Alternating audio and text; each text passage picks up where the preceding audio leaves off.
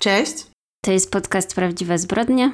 Witamy w kolejnym odcinku, w połowie majówki. Dzisiaj mamy trochę nietypowe okoliczności, bo nagrywamy zdalnie z dwóch różnych lokalizacji. Jak się macie? Karolina, jak spędzasz czas? A dobrze, dobrze. Tak właśnie majówka nas y, nie rozpieszcza, jak zapewne wszyscy już wiedzą. Jest deszczowo, czy tam było deszczowo, jak tego słuchacie. No ale cóż, jakoś się musimy zabawiać. Ja, tak jak mówiłam ostatnio, mam urlop i jestem poza Wrocławiem. I wszyscy ci zazdrościmy. Tak, i mój urlop e, spędzam z tą cegłą, książką, o której mówiłam w ostatnim odcinku, czyli Czarodziejską Górą. I mogę na wstępie od razu powiedzieć tym, którzy są bardzo zainteresowani, że, że jeszcze nie udało mi się tej książki skończyć, ale mam jeszcze parę dni i chciałam się pochwalić, że przekroczyłam połowę. Także uważam to za wielki sukces, że kilka dni i tak udało mi się jakieś 500 stron przeczytać. Także prawa dla mnie. Tak, no pewnie, gratuluję. Myślę, że to jest um, spore osiągnięcie, jak na taką cegłę. Ostatnio zarzekałam się, że będę czytać wannę z kolumnadą, ale niestety jeszcze do mnie nie przyszła, więc nie mogę opowiadać o progresie. Ale zamówiłam jakieś takie poszerzone e, wydanie, drugie w sensie, więc y, ponoć jest jeszcze większe, więc może głupio powiedziałam, że ją przeczytam. Więc dobrze, że chociaż ty możesz dać update z progresu. A ty rozumiem, na majówkę się nie wybrałaś nigdzie? Nie. Nie, mamy jakieś tam plany spotkań, malutkie, chyba malutkich, ale mamy. Nigdzie się nie wybrałam, bo tydzień temu wyjechałam na weekend y, na odludzie i jakby stwierdziłam, że no bez przesady. Poza tym u mnie w domu się na majówkę specjalnie nigdy nie wyjeżdżało. Z moim partnerem też nie mamy takiego zwyczaju. Staramy się robić jakieś plany, ale nie są to zazwyczaj plany wyjazdowe, bo wszyscy wszędzie gdzieś wtedy jeżdżą, ciężko, w sensie jakby dużo miejsc jest zajętych zazwyczaj. Jakiś taki to termin jest, wiesz, wszędzie tłoczno, nie? no chyba, że pogoda jest taka, jak teraz, czyli beznadziejna. No ja właśnie na wszystkich możliwych aplikacjach wyskakują mi teraz powiadomienia ze wspomnień mhm. sprzed lat że tu mi pokazuje, że tam ileś lat temu byłaś w tym momencie w Wiedniu, ileś lat temu byłaś y, tego dnia w Grecji i tak patrzę na to i myślę, to były piękne czasy. Wzruszasz się. Ale już niedługo. Ja liczę na to, że te czasy wrócą, tak. Właśnie ostatnio mówiłam partnerowi, że jak w końcu y, teraz zaszczepimy się wszyscy, to pojadę do mojego wujka, zapytam się go oczywiście, czy mnie przyjmie, pojadę tam na minimum tydzień, może dwa z laptopem i będę stamtąd pracować, bo no już mam dosyć po prostu siedzenia w tym samym pokoju. Wiem, że są większe problemy, ale męczy to strasznie. Mm, no a nie wiem, czy wszyscy wiedzą, gdzie ten twój wujek mieszka. Powiedziałeś, że pojedziesz do wujka do Katowic, tak? Będzie tam fajniej. A wiesz co? To jest i tak zmiana o, yy... otoczenia. Dziękuję. Tak, dokładnie, więc jakby nie pogardziłabym żadną w tym momencie, ale tak, mam to szczęście, że y, mój wujek, brat mojej mamy mieszka na Wyspach Kanaryjskich i od dziecka y, tam latałam na wakacje, no, także myślę, że fajnie by było popracować sobie tam troszkę, chociaż nie wiem, czy w ogóle byłabym w stanie coś tam robić, ale no, może kiedyś się to spełni. Ale pamiętam, że ty podczas pandemii też miałaś jeden czy dwa takie wyjazdy, że byłaś poza domem i normalnie pracowałaś, prawda? Tylko tyle, że zmieniłaś gdzieś tam otoczenie na tydzień. No, tak, tak. Mhm. Teraz w sumie też tak mogę. Więc może się da. No a poza tym, w tym tygodniu wydarzyło się coś bardzo ważnego dla Ciebie i dla mnie chyba, prawda? Na pewno mówisz o tym, że powrócił serial Opowieść podręcznej. Tak, niestety, bo chyba mamy podobne odczucia, prawda? Tak, więc dla tych, którzy nie wiedzą albo gdzieś tam im to umknęło, no to była już premiera czwartego sezonu Opowieści podręcznej na HBO. I na samym początku wrzucili premierowo trzy odcinki, co jest e, dużym wyczynem, jak na, ten, jak na tą aplikację czy tam platformę. I oczywiście ja obejrzałam je natychmiast, Karolina też obejrzała natychmiast. Tak. I, I co? I jak Ci się podobało? No muszę powiedzieć, że jestem trochę zawiedziona niektórymi wątkami. Oczywiście nie będziemy tutaj nic przybliżać, żeby, żeby nie spoilować. Um, cieszę się, że wrócił. Boję się, że się rozczaruje jeszcze bardziej z odcinka na odcinek, no ale zobaczymy. I rozważam właśnie poczekanie, aż się skończy sezon jednak i dopiero wtedy obejrzeć go do końca, bo boję się, że to takie co, czekanie co tydzień jak zwykle będzie dla mnie frustrujące, ale nie wiem przy tym, ile ludzie dookoła o tym rozmawiają i będą gadać pewnie z racji popularności tego serialu. Nie wiem, czy dam radę po prostu, czy wytrzymam, wiesz, yy, do końca. No, ja bym się bała tych spoilerów No na właśnie. Facebooku czy tam gdzieś. Mhm.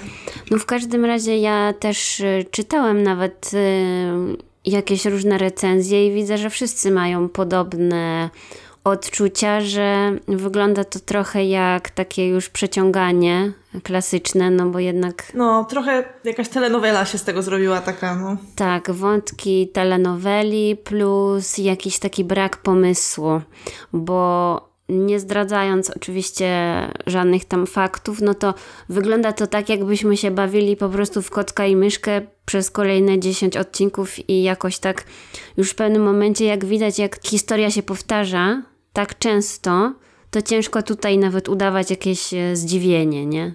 No, tak, tak. Co będziemy się nagle dziwić, że zdarzyło się coś, co wiedzieliśmy, że i tak się wydarzy. Także Robi się męcząco. no. Boję się, że potem, jak w wielu wypadkach, jeżeli chodzi o jakieś super popularne seriale, które w pewnym momencie zaczynają być przyciągane, że jakby zamiast skupić się na jakiejś kontynuacji, yy, przeniesieniu może bohaterki już w inne realia, prawda, gdzieś tam, żeby ta historia postąpiła do przodu, to boję się, że oni będą tak właśnie tą grę w kotka i myszkę ciągle pokazywać, a potem yy, zakończą ten serial i nie będzie jakby miejsca na żadne Ciąg dalszy taki, no wiem. Tak, no właśnie. Trochę, trochę się boję, że tak zrobią, no ale zobaczymy. Może nas miło zaskoczą. No, a w temacie seriali jeszcze to w ostatnim czasie też y, parę słuchaczy nam polecało inny serial z HBO i chciałam powiedzieć, że tak, y, owszem, wiem, że on istnieje i już zdążyłam obejrzeć parę odcinków. Chodzi o Mayor's East Town. To jest y, serial taki kryminalny, który teraz leci na HBO cotygodniowo niestety, więc trzeba czekać na każdy odcinek. No właśnie, dlatego ja się na razie wstrzymuję, chociaż naprawdę już y, kilka osób po obejrzeniu dwóch odcinków w tym tygodniu mi polecało tak zupełnie, wiesz, niezależnych od siebie, więc musi być dobry. No, tam główną rolę gra Kate Winslet. I właśnie jest to taki typowy klimat, który pewnie wiele osób lubi, taki mało miasteczkowy. Jest jakaś zbrodnia, jest pani detektyw, która jest oczywiście specyficzna. Jak swoją drogą, jak na Kate Winslet, to jest to dla niej bardzo odmienna rola. Ona tam jest taka, no, pije dużo piwa, jest taka dość e, oschła, niemiła dla ludzi. Nie widziałam jeszcze jej w takiej roli. No, także zapowiada się świetnie i właśnie ten serial trochę mi swoim klimatem przypomina inny serial z HBO. To wiem na pewno. Taki tytuł i ja się nim wielokrotnie podniecałam w zeszłym roku, więc pewnie też już słyszeliście ode mnie o tym. Pamiętamy. Także w sumie spoko. Dobry repertuar jest. A tak dla przeciwwagi jestem ciekawa, bo ja nie oglądałam tego i tylko słyszałam, że coś takiego istnieje. I nie wiem, czy ty słyszałaś o tym nowym serialu Netflixowym polskim. Tak, oczywiście. Sexify, tak, tak. To jest to, co będę robić w ten weekend, oczywiście. Już zapisałam sobie. To jest dla mnie bardzo dziwne, bo naprawdę mi to umknęło. Nie wiem, nie wiem, umknęło mi to, być może po prostu za dużo czytam tej książki i nie wiem, co się dzieje w, na Netflixie, nie jestem na bieżąco. A przypomniało ci pewnie, przypomniał ci pewnie filmik z Jakby nie patrzeć. Bo wiedziałam, że wrzucili chyba, czy nie? Na, na Nie. Temat. Nie? A, okej. Akurat po prostu jacyś tam moi randomowi znajomi na Instagramie się chyba z tego tam śmiali i ja tak to zobaczyłam i myślę zaraz, o co chodzi? I nie, zupełnie jakby z mediów ta reklama do mnie nie dotarła, także A, okej. Dziwne. okej. No to nie, to ja pamiętam, że jakieś fragmenty traileru, tla, tra... Okej, dobra, zwiastunu, może tak. Widziałam wcześniej i tylko jakoś nie mogę powiedzieć, że skreślałam dni w kalendarzu do dnia premiery tego serialu, ale na pewno jestem bardzo ciekawa, co z tego wyjdzie. A czy to nie jest bardzo cringe'owe? To jest tak na serio spoko? Może być, może być, nie mam pojęcia. Ciężko stwierdzić na razie. Zobaczymy. No dobra. Jestem ciekawa, jak do dnia premiery wy, kochani, też już e, zaczniecie oglądać ten serial, to dajcie znać, co wy myślicie. Ja w tym tygodniu poczułam właśnie taki trochę cringe, ponieważ e, chciałam oderwać się od rzeczywistości. Byłam dosyć zajęta i jakoś tak potrzebowałam odskoczni wieczorem, więc do siedzenia przy komputerze włączyłam sobie y, serial fantasy, który nazywa się Shadow and Bone, czyli Cień i Kość chyba y, w polskiej wersji, w sumie co nie jest zaskakujące. I opis z filmwebu jest Siły zła stają na drodze młodej wojowniczki, która dysponuje magiczną siłą mogącą zjednoczyć jej świat. O, Więc Boże. wyobraźcie sobie. Tak, ale muszę powiedzieć, no wchodzi to dosyć. No jest takie, że czasami po prostu musiałam zatykać uszy, wiesz, nie wiem, odwracać wzrok, bo było to trochę żenujące. Ale no ja nie jestem chyba grupą wiekową, dla której jest ten serial, tak myślę, także to jest chyba jednak serial dla młodszych. No brzmi ciekawie, ale nie powiem, że to będę oglądać. I wiesz, i ja ci też tego nie polecam. O, i to nie dlatego, że jest, nie wiem, jakiś tam tragi... Znaczy, no trochę jest, ale myślę, że w ogóle by się tobie nie spodobał, także... To dobrze.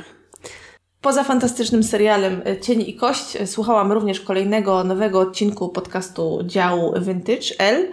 Była długa przerwa. Przez jakiś czas nowych odcinków nie było. Teraz wyszedł super nowy odcinek, w którym gościem czy gościnią jest Harel, która od wielu lat pisze w internecie na swoim blogu o modzie, bardzo dużo o polskich markach, o vintage też y, i o ubraniach z drugiej ręki i właśnie rozmawiają dużo o tym, jak kupować z drugiej ręki, gdzie szukać, jak szukać, na co zwracać uwagę. Więc myślę, że y, zwłaszcza dla kogoś, kto na przykład nie ma doświadczenia, niekoniecznie jest fanem chodzenia do lumpeksów, y, warto taki odcinek sobie przesłuchać, jeżeli oczywiście jesteście zainteresowani mm, kupowaniem z drugiej ręki, ale może nie wiecie, jak się do tego zabrać. Oczywiście podlinkujemy. No, już parę razy chyba polecałaś tak. ten podcast. On brzmi interesująco. Może w końcu się kiedyś do niego przekonam. Chociaż ja to raczej wolę Mhm. trzymać się podcastów kryminalnych. No ale może, może, może. A, ja ostatnio też z Twoich poleceń słuchałam podcastu kryminalnego. Słuchałam właśnie serialu Uncover, chyba dziewiątego, także on jest taki kryminal, śledczy może, o, tak, tak to się chyba nazywa. I co to za temat przewodni? E, molestowania. Sezon dziewiąty nazywa się Evil by Design. A, okej. Jest to y, podcast po angielsku, ale A, jeszcze przypomniało mi się, że w ostatnim odcinku mówiłaś o tym koncie na Instagramie Biedanizm i nigdy nie widziałam tak y, dużego po prostu poruszenia wśród naszych y, słuchaczy. Nagle okazało się, że wszyscy to znają, wszyscy z tego korzystają. Także jestem, czuję się, że jestem w tyle, muszę nadrobić. Tak, mnie też to zaskoczyło, natomiast wcale mnie to nie dziwi tak na dobrą sprawę, bo myślę, że ta dziewczyna, która prowadzi konto, robi z weganizmu coś absolutnie w 100% przystępnego, czego czasami brakuje innym pasjonatom jedzenia z internetu, mam wrażenie. Nawet jadłonomia, której przepisy bardzo lubię, no czasami to, co proponuje, robi się długo, czasami jest to skom- bardziej skomplikowany proces, potrzebujesz więcej składników, gdzieś musisz specjalnie po nie jechać, a to jest takie po prostu.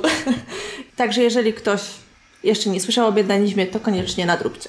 No i kończąc naszą dzisiejszą dygresję, ja postanowiłam się z Wami wszystkimi podzielić najbardziej ekscytującą rzeczą, która wydarzyła się w minionym tygodniu dla mnie, a mianowicie mój rocznik, a właściwie nasz, bo Karolina jest ten sam, już mógł zapisywać się na szczepienia.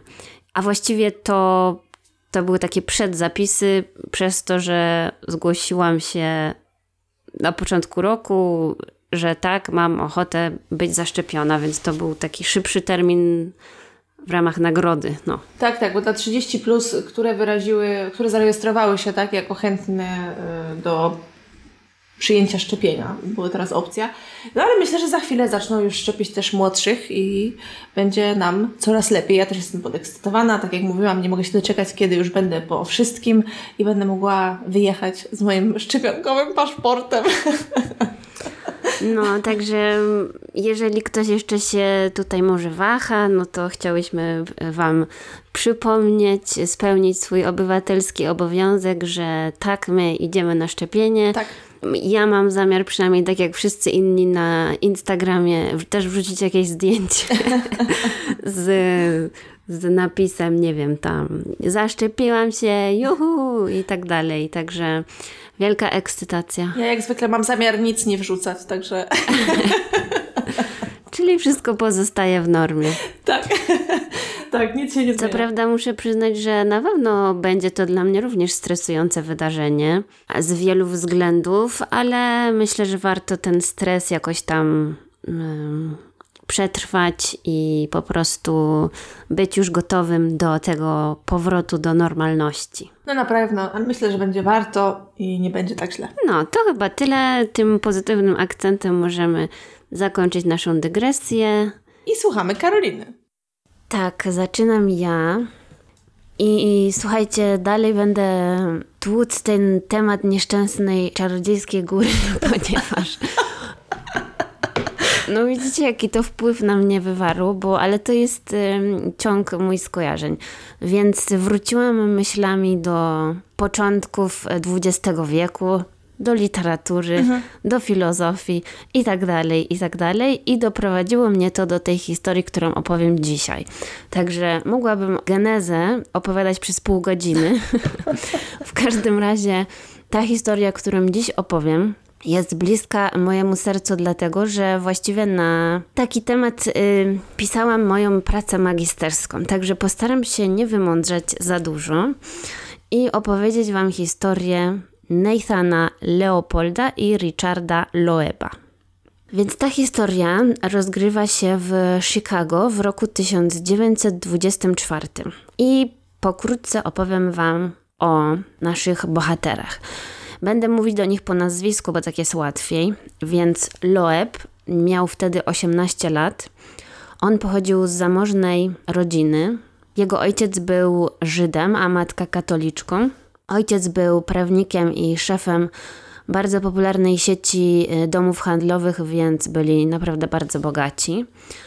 Loeb ukończył uniwersytet w Michigan w wieku 17 lat i był wtedy najmłodszym studentem w historii, któremu się udało mm, skończyć, bo dzięki swoim wybitnym zdolnościom przeskoczył kilka klas. Ogólnie był dobry w szkole, ale nie za bardzo interesowała go edukacja, w przeciwieństwie do jego kolegi Leopolda, o którym zaraz powiem. Ten Loeb mówiono, że miał IQ w wysokości 160, ale tak jak mówię, ta edukacja mniej go interesowała, bo on miał w sobie taki, mówili, magnetyczny urok. Z każdym umiał się zaprzyjaźnić. Miał coś takiego w sobie, co skupiało ludzi wokół niego.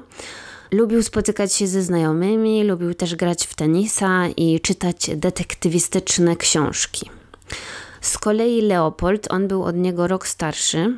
On pochodził też z zamożnej żydowskiej rodziny i to była rodzina niemieckich imigrantów. I to było już naprawdę wybitnie mądre dziecko, bo mówiono, że nauczył się chodzić jak miał dwa miesiące. Tak samo szybko nauczył się mówić. On uzyskał stopień licencjata na Uniwersytecie Chicago w wieku 18 lat. Studiował prawo i planował na dalszą edukację przenieść się na Harvard Law School. I on był mądrzejszym z dwojga, bo podobno on IQ miał tak wysokie, że wystrzeliło ponad skalę. Czyli mądrzejszy z dwóch geniuszy, tak? Tak, że to było jakieś 210-220. Podobno uczył się w swoim życiu 15 języków obcych. Osiągał też duże sukcesy naukowe jako ornitolog i miał tutaj e, doświadczenie w badaniu ptaków i pisał różne artykuły naukowe na ten temat. I on był tym mniej atrakcyjnym właśnie z dwojga. Był taki bardziej niezręczny towarzysko i miał problemy, żeby odnaleźć się w różnych takich sytuacjach mm, socjalnych. No i Leopold i Loeb mieszkali w tej samej okolicy Kenwood w Chicago. To była taka dość e, luksusowa dzielnica. Mhm. Ich rodziny się znały, ale zaprzyjaźnili się dopiero w połowie roku 1920. Obaj dostali dosłownie wszystko, czego tylko mogli zapragnąć od swoich e, rodzin. Wychowywali się w dostatku, niczego im nie brakowało. I podobno połączyła ich fascynacja sprawami kryminalnymi i filozofią Fryderyka Niczego.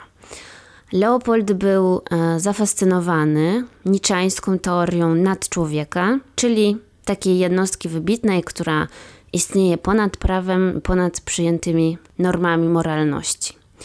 No i ci młodzieńcy uważali się właśnie za nadludzi i interpretowali teorię niczego na swój sposób, twierdząc, że sami nie podlegają albo właściwie nie chcą podlegać normom przyjętym przez ich społeczeństwo. Dlatego mówiłam, że pisałam mhm. o podobnym temacie e, moją pracę kiedyś tam.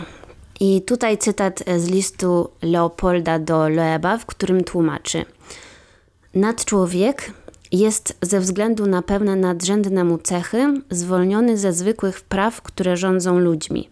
Nie ponosi odpowiedzialności za wszystko, co uczyni. No i to jest istotne dla tego, co wydarzy się później. I tak właśnie oni zaczęli testować swoje możliwości, rozpoczynając swoją działalność przestępczą od niewinnego oszustwa podczas gry w karty. Potem próbowali kradzieży, też wandalizmów, Potem włamali się w środku nocy do domu bractwa na Uniwersytecie Michigan i tam ukradli pieniądze, ukradli scyzoryk, aparat i maszynę do pisania, która potem również będzie im potrzebna. Trochę brzmi jakby im się nudziło. No oczywiście, można to sprowadzić wszystko do tego, że to były bogate dzieciaki, którym się nudziło. tak, dokładnie. Zaczęli kraść samochody i wzniecać pożary. No ale to też właściwie na nikim nie, nie zrobiło wrażenia.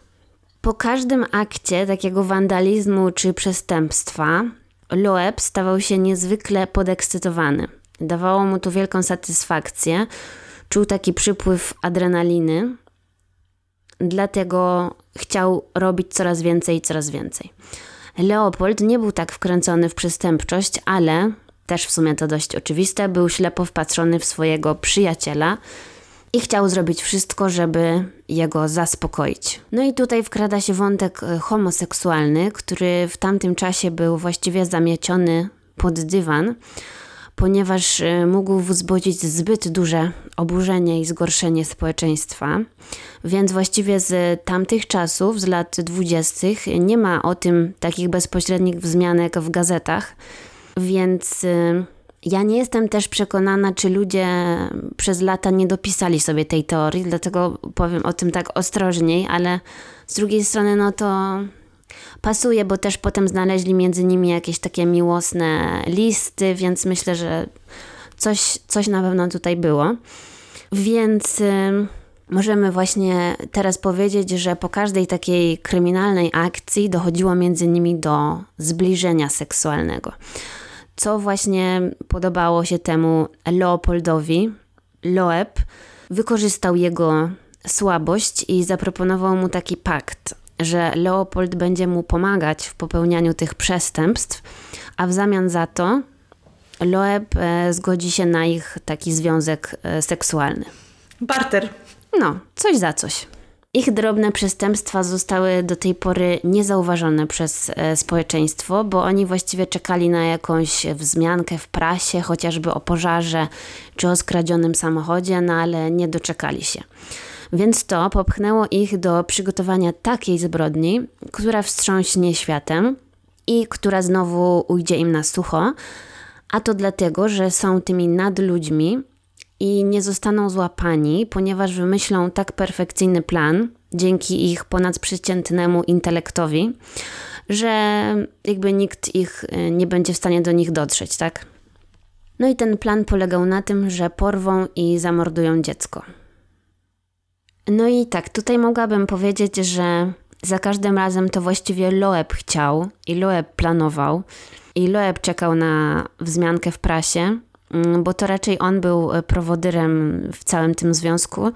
No ale mówię oni, no bo działali. A powiedz mi, który z nich był y, ten bardziej inteligentny, bo już się pogubiłam. Bo jeden był bardziej oględny, tak, a drugi był y, ten bardziej inteligentny, bo w końcu nie można mieć wszystkiego. To który był który, bo ja już się trochę pogubiłam. Ten prowodyr, Loeb, on był ten z magnetyzmem i czarowaniem ludzi, tak? Mhm.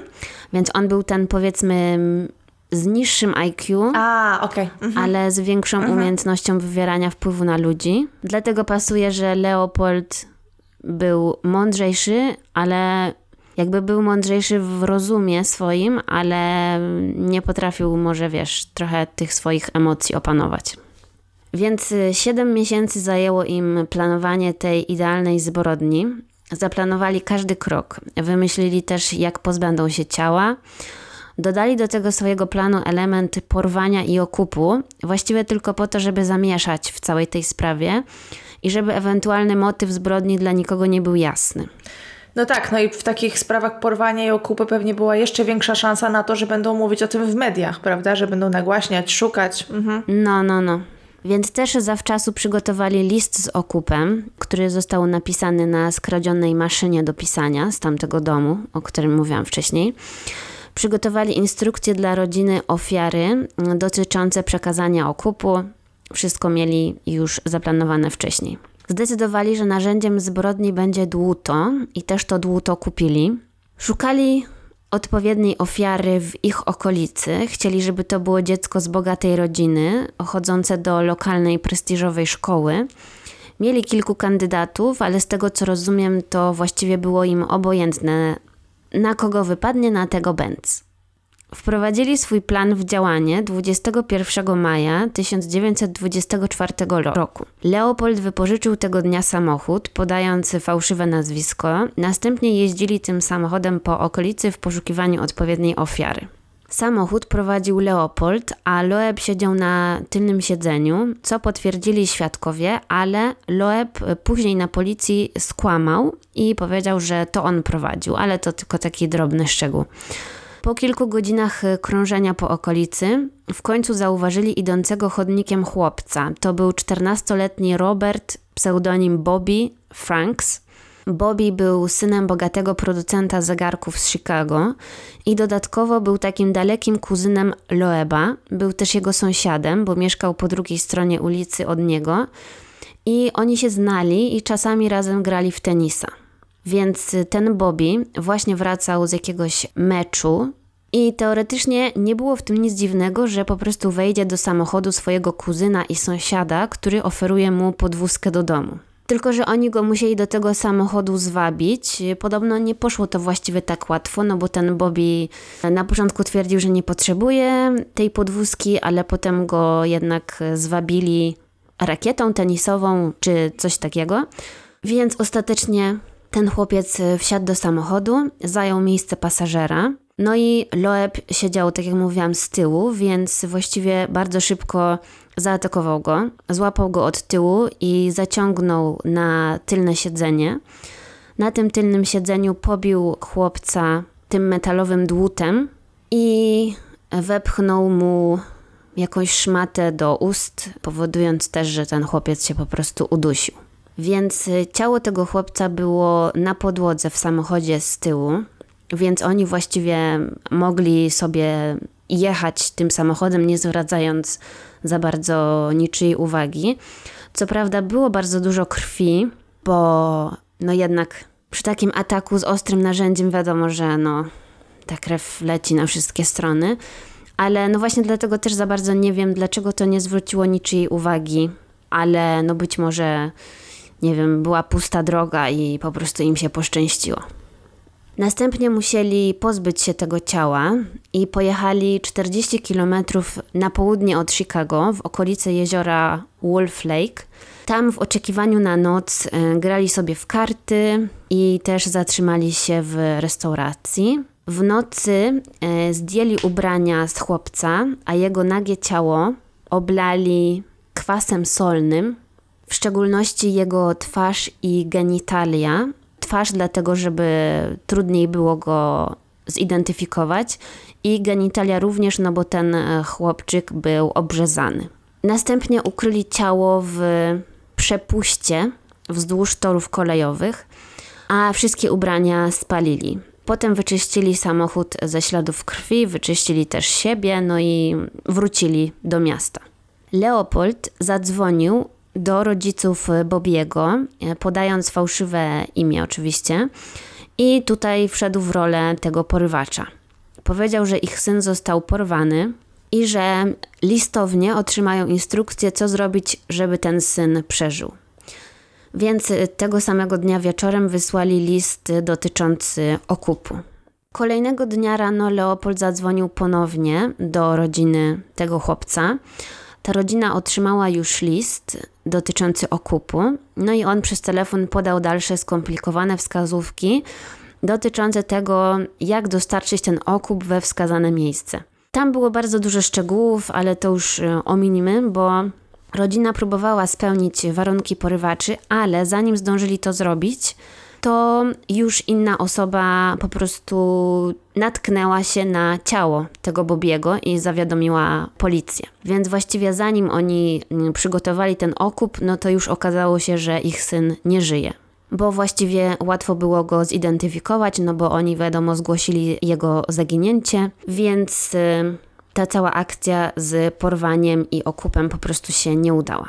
I tak, policja obok ciała znalazła charakterystyczne okulary. Tak jakby ktoś, kto tego ciała chciał się pozbyć, po prostu wrzucił tam przez przypadek swoje okulary korekcyjne. No i w skrócie powiem, bo to kolejny dłuższy wątek, że policji udało się prześledzić, że jest to jedna z zaledwie trzech takich par w rejonie Chicago, bo to były jakieś ekskluzywne okulary. I znaleźli salon, w którym takie okulary robili sprzedawali. I też mieli nazwiska tych trzech osób, które kupiły te okulary w ostatnim czasie. Jedną z tych osób był oczywiście Leopold.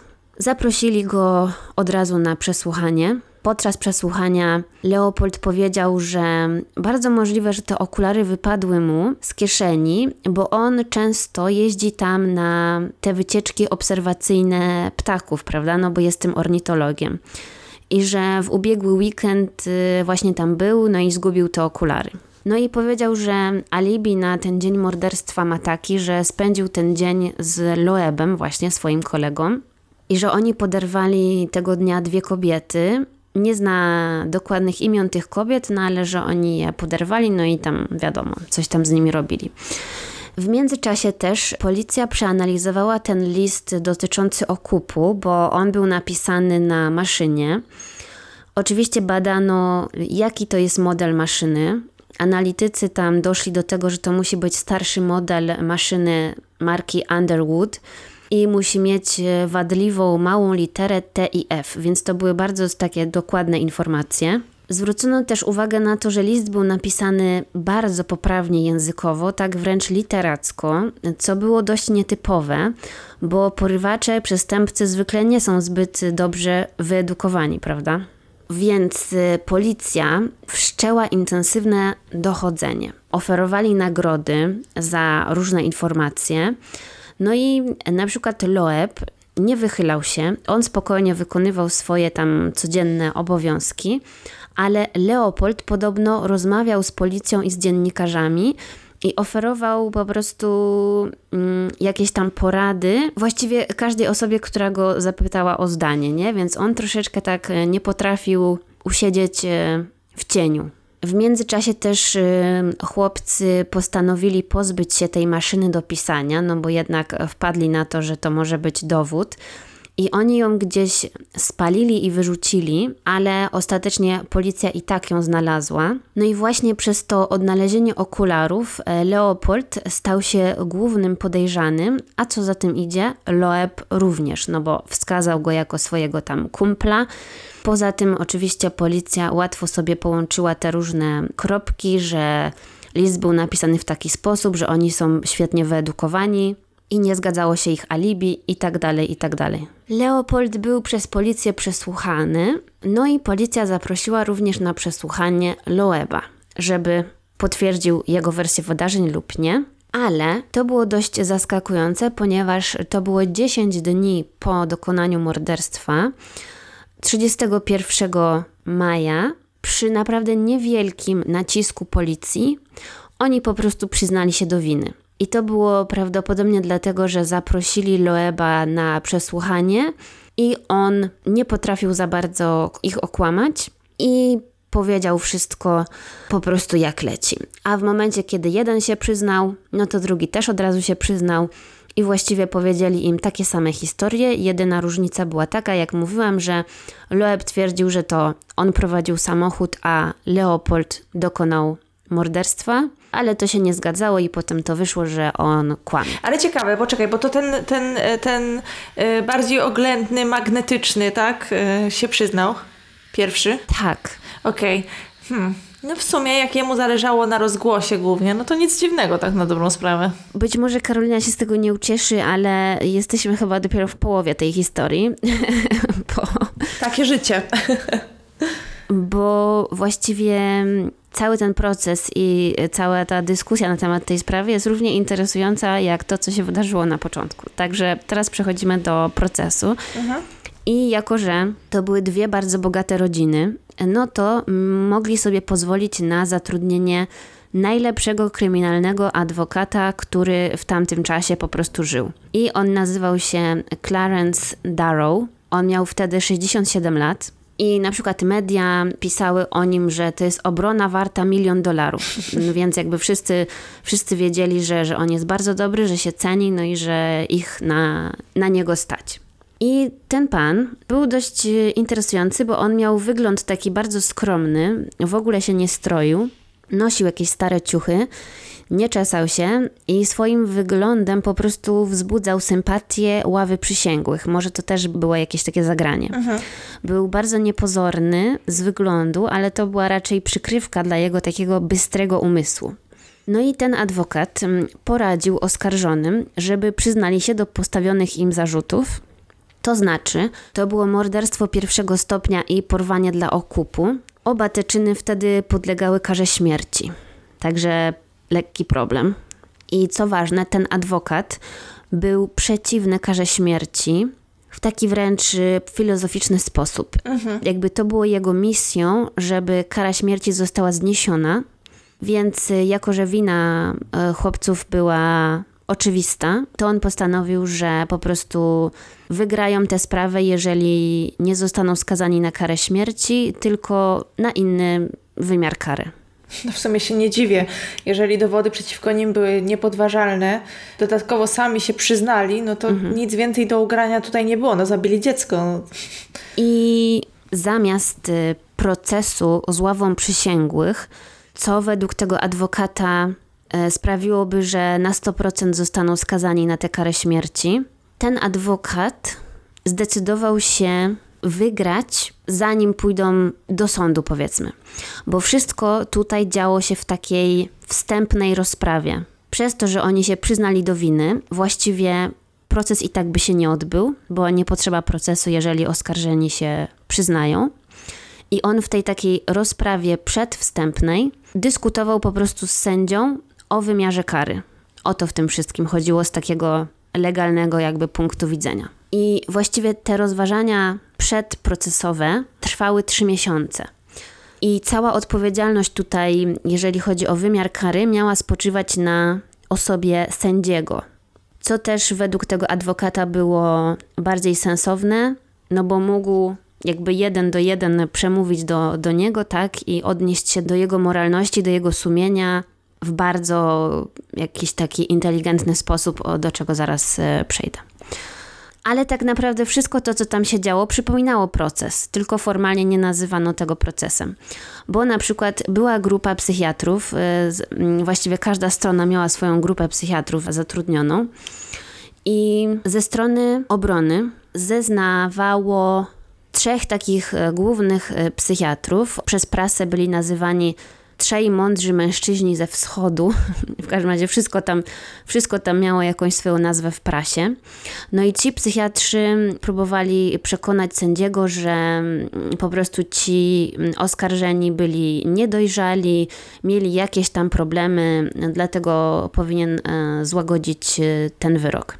Ale co ciekawe, ci psychiatrzy musieli bardzo uważać, bo oni nie chcieli stwierdzić, że oskarżeni są niepoczytalni, ponieważ jeżeli wnieśliby obronę na niepoczytalność, to to spowodowałoby proces z ławą przysięgłych i to ława przysięgłych by musiała zadecydować, czy są winni, czy nie, bo osoby niepoczytalne nie są w stanie wziąć odpowiedzialności za swoje czyny, tak? Więc nie mogliby tutaj przyznać się do winy, jeżeli są niepoczytalni. Mhm. Więc właściwie ciekawą rolę mieli ci psychiatrzy, bo musieli powiedzieć, że oni są lekko dziwni, ale nie do końca szaleni. Wiesz co chodzi? Mhm. I tutaj ciekawostka taka, że oczywiście sprawa wzbudziła ogromne zainteresowanie prasy, jest nazywana taką po prostu sprawą stulecia, do tego stopnia, że w gazetach próbowali w tamtym czasie wynaleźć różne kreatywne sposoby na to, jak wymyślić coś jeszcze, co można by było o tym napisać i wydawca o nazwisku Hearst, on chcąc zarobić, zaproponował Zygmuntowi Freudowi pół miliona dolarów plus koszty transportu z Europy do Chicago, żeby on przyjechał i zbadał tych oskarżonych morderców. Bardzo jestem ciekawa, co by się wydarzyło, bo Freud niestety odmówił, bo on wtedy był zbyt chory, żeby podróżować, ale no, jest to taka ciekawostka, że. Ale myślisz, że zrobiłby coś takiego? No, mm, czemu nie? W zasadzie. Ciekawe, ciekawe. Czy no nie wiem, jeżeli oferowali mu tyle kasy i zwrot kosztów za transport, no ale pewnie mu się po prostu nie chciało. Co on tam będzie? No właśnie o to mi chodzi, że on na takie rzeczy tracić czas. W każdym razie tych y, trzech psychiatrów y, zatrudnionych przez obronę to był William Alanson White. On był dyrektorem szpitala psychiatrycznego w Waszyngtonie i on trzymał taką tutaj teorię, że Leopold i Loeb doświadczyli traumatycznych przeżyć w dzieciństwie, bo i jeden i drugi byli molestowani seksualnie przez swoje guwernantki, czyli takie opiekunki. I e, w związku z tymi wydarzeniami z dzieciństwa mm, zmagają się z traumą i to popchnęło ich do takiego czynu. To była jedna teoria.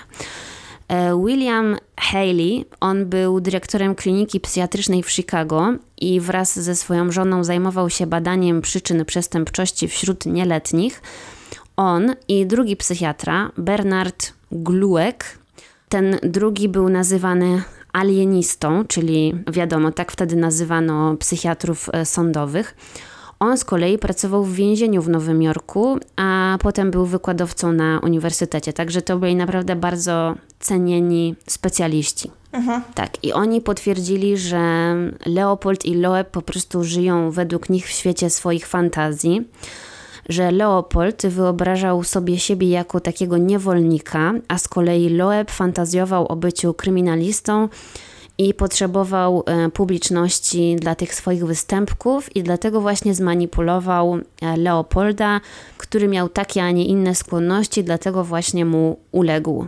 I to stworzyło taką niebezpieczną e, mieszankę, która doprowadziła do tego czynu morderstwa. A z kolei czterej psychiatrzy powołani przez sąd oni zeznali, że ani Leopold, ani Loeb nie wskazywali żadnych oznak chorób psychicznych. I tutaj mamy trochę taki zgrzyt, prawda? Ale problem jest w tym, że te dwie grupy psychiatrów reprezentowały tak jakby różne szkoły, no bo to jest 1924, więc e, różne są prądy myślowe. No i właściwie ta grupa ze strony sądu, ona była bardziej skupiona na aspektach neurologicznych i oni żadnych nieprawidłowości takich zdrowotnych, dosłownych z mózgiem nie znaleźli. Mhm. Z kolei ta druga grupa ze strony obrony, ona działała bardziej w nurcie psychoanalitycznym, więc oni mogli znaleźć jakieś tam problemy, traumy i inne tego typu rzeczy, więc tak naprawdę i jedna i druga strona miała rację, ale razem nie prowadzili do żadnych takich y, zgodnych wniosków, prawda? Dlatego właściwie e, sędzia po usłyszeniu tego wszystkiego, on w ogóle kwestię psychiczną w tej sprawie odrzucił. Stwierdził, że to nic nie wnosi i, i tyle. Strona oskarżycieli zadecydowała powołać na świadków aż 102 osoby, tutaj w tym niby procesie, co było dość absurdalne, i spośród tych wszystkich osób adwokat zdecydował się przepytać tylko dwie. Także adwokat tutaj w ogóle na świadkach się nie skupił. Dla niego najważniejsza była jego przemowa, do której dojdziemy później, i ona trwała 12 godzin, jego przemowa. Przepraszam. No. No i oczywiście wszyscy podczas tego procesu i na sali sądowej, i w gazetach, i jeszcze przez wiele, wiele lat później zastanawiali się, jaka była motywacja tych oskarżonych. I na samym początku media okrzyknęły oskarżonych potworami, dlatego że e, w ich e, motywacji, dopatrywali się tego filozoficznego uzasadnienia tego niczańskiego nadczłowieka, prawda?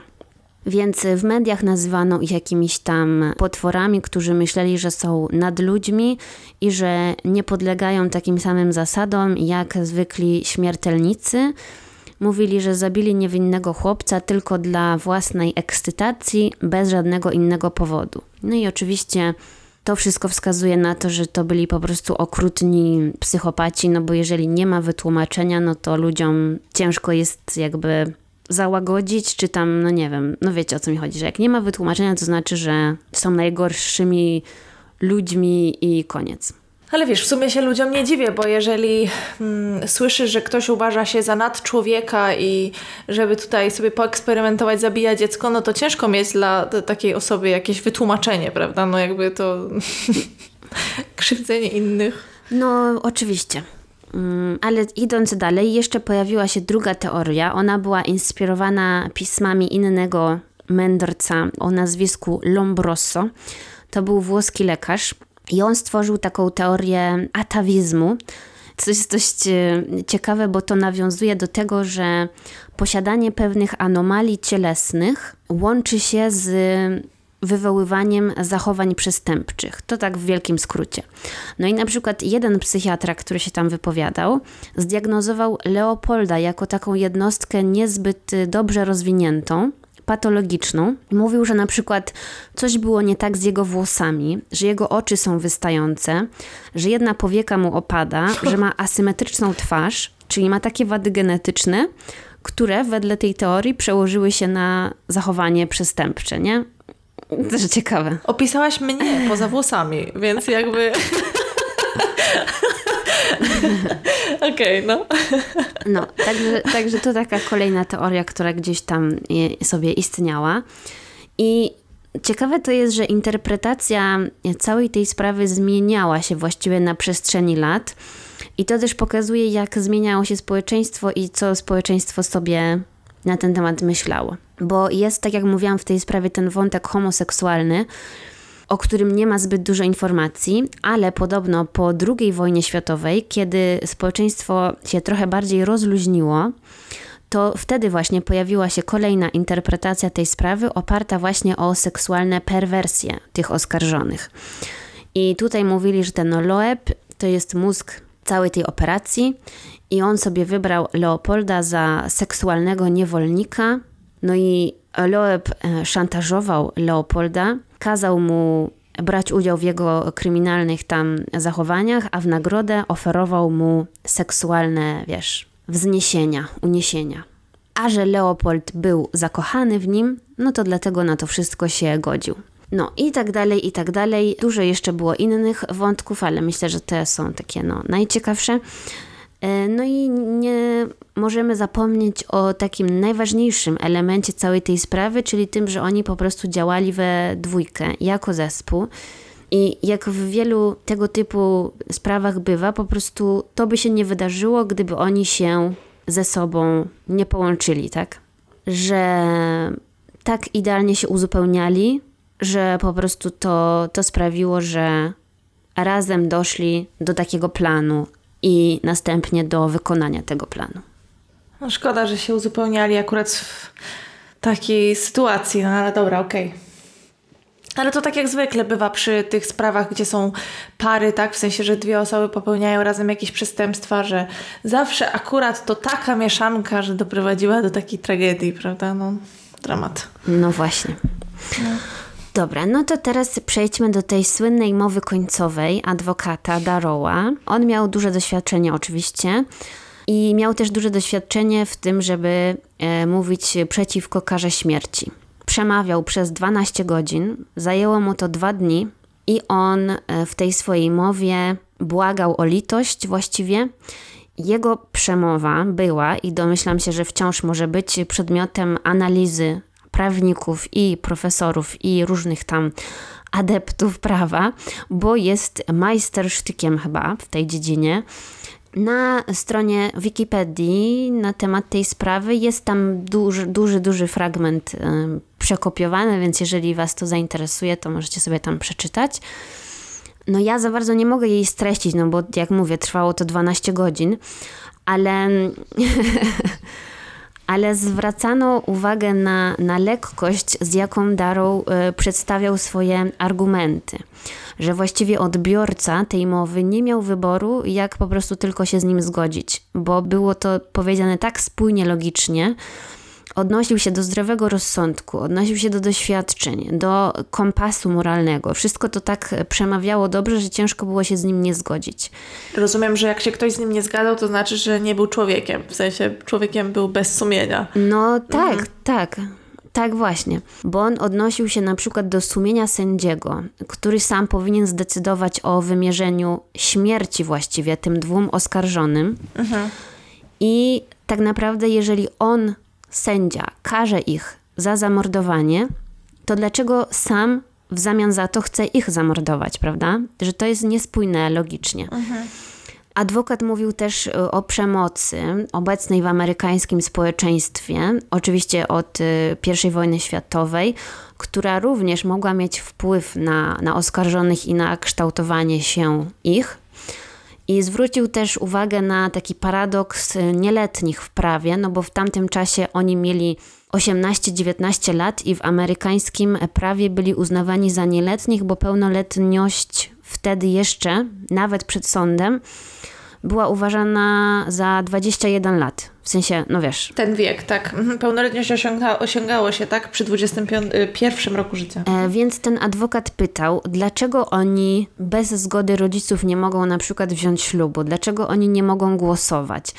Dlaczego nie mogą innych rzeczy robić, bo są uważani za nieletnich, a mogą stanąć przed sądem i mogą być skazani za swoje czyny w tym właśnie wieku niepełnoletnim? Że prawo w innych przypadkach uważa ich za osoby niewykształcone, mhm. a z drugiej strony chce ich skazać jako osoby pełnoletnie, co się nie zgadza, prawda? No tak, pan się przygotował. tak, e, na pytanie, retoryczne pytanie, dlaczego zabili, sam odpowiedział sobie, że oni zabili bez powodu. Porównał właściwie zabicie tego chłopca, według mnie, no dość okrutnie, do zabicia pająka albo muchy. Nie. No, po prostu chciał uzmysłowić wszystkim słuchającym ludziom, że dla nich to nie było zabicie człowieka, dla nich to było jak zabicie mm, pająka, tak? Że oni nie widzieli. O mój Boże, ale czy to nie świadczyło na ich niekorzyść? Świadczyło o tym, że są niewykształceni w jakiś tam sposób, nie? On twierdził, że oni zabili, ponieważ zostali w ten sposób stworzeni. Jakby tutaj odciągał ich winę, przekładając ją bardziej na winę, nie wiem, społeczeństwa, czy systemu, czy wychowania itd. Tak czy są winni? On mówi, że nikt na świecie nie jest w stanie podać e, przyczyny tego morderstwa. I to się po prostu wydarzyło, i że społeczeństwo nie powinno ich e, nienawidzić za to, tylko w zamian za to wykazać się dobroczynnością, czy też wykazać się dobrem. Ja to tak, nie wiem, delikatnie to rozumiem w ten sposób, że nie powinni pogłębiać tak, tej nienawiści i pogłębiać y, przemocy poprzez wymierzanie kary śmierci, tylko powinni wykazać się czymś przeciwnym, czyli łaską. I że łaska to jest najwyższa cnota e, ludzkości, i że właśnie w ten, tylko w ten sposób mogą, no wiesz, tak jakby dobro zwycięża nad złem. No. Mhm. no i tutaj na sam koniec wydaje mi się, że skończył właśnie tym, mówiąc o tej łasce. I wiele gazet y, następnego tam dnia opisało to w ten sposób, że nawet sędzia się popłakał że wzbudził po prostu we wszystkich takie wzruszenie, że no ciężko było się spodziewać, że oni zostaną potem skazani na śmierć, nie? Że po prostu pozamiatał. No to nadał temu głębiej, nie powiem, no ale z drugiej strony walczył o dwa życia. I tak, jeżeli chodzi o prokuratora w tej sprawie, to on nazywał się Crow. On był e, wcześniej sędzią miał na swoim koncie już y, wymierzenie kary śmierci przez powieszenie. No i ten prokurator był nastawiony bojowo, nie tylko w stosunku do obrony, ale również w stosunku do sędziego, którego też podobno obraził podczas jednej ze swoich przemów i prawdopodobnie tym podpadł sędziemu, bo mimo, że potem przeprosił, no to już to się wydarzyło, bo on powiedział na temat tego sędziego, że adwokat szukał przyjaznego sędziego, i takiego też znalazł. No i właśnie ten sędzia uwierzy w jego nędzne argumenty i że ten sędzia nie jest w takim razie niezależny. Więc tak jak mówię, po prostu go obraził. E, sędzia był oburzony tym, co on mówi, no i na pewno zapamiętał to sobie, że ten prokurator mi się nie podoba, a z kolei ten adwokat mi się podoba, więc tutaj może jednak był trochę stronniczy. W końcu sędzia, tak jak mówiłam, postanowił odrzucić e, wszelkie wnioski psychiatrów, uznając je za bezzasadne i rano 10 września 24 roku e, sędzia przygotował swój wyrok. Transmitowane to było na żywo w radiu. Wszyscy mm, słuchali i wiesz, siedzieli przy swoich odbiornikach w emocjach, w stresie. No i tak, sędzia postanowił, że zgadza się uchylić karę śmierci i w zamian za to skazuje ich na karę dożywocia plus 99 lat za porwanie. I argumentował to w ten sposób, że stwierdził, że oni są nieletni, więc zgadza się tutaj uchylić tą karę śmierci i stwierdził, że ten wyrok zgadza się z postępem prawa karnego na całym świecie. I on widzi, że właściwie tendencja do wymierzania kary śmierci się obniża, więc on właściwie nie chce się tutaj też przyczyniać, więc zgadza się na karę dożywocia. No, plus te 99 lat. Prokurator był oczywiście wściekły na ten wyrok, wyraził swoją opinię w mediach natychmiast. Obwinił e, za to tylko i wyłącznie sędziego, który dał się zmanipulować i mówił, że Leopold i Loeb mieli opinie niemoralnych, degeneratów najgorszego typu. Wszystkie dowody wskazują na to, że oni są winni, że są ateistami, że są wyznawcami doktryn niczańskich, że są ponad prawem i zarówno prawo Boże, jak i prawo ludzkie ich nie dotyczy i że to naprawdę niefortunne dla tej społeczności, że nie zostali skazani na śmierć. Więc takie było zdanie tego prokuratora. Jeżeli chodzi o tych skazanych, to Loeb zmarł w więzieniu 28 stycznia 1936 roku i miał wtedy tylko 30 lat. On został zabity przez współwięźnia, który nazywał się James Day. On podobno wcześniej wspierał go finansowo.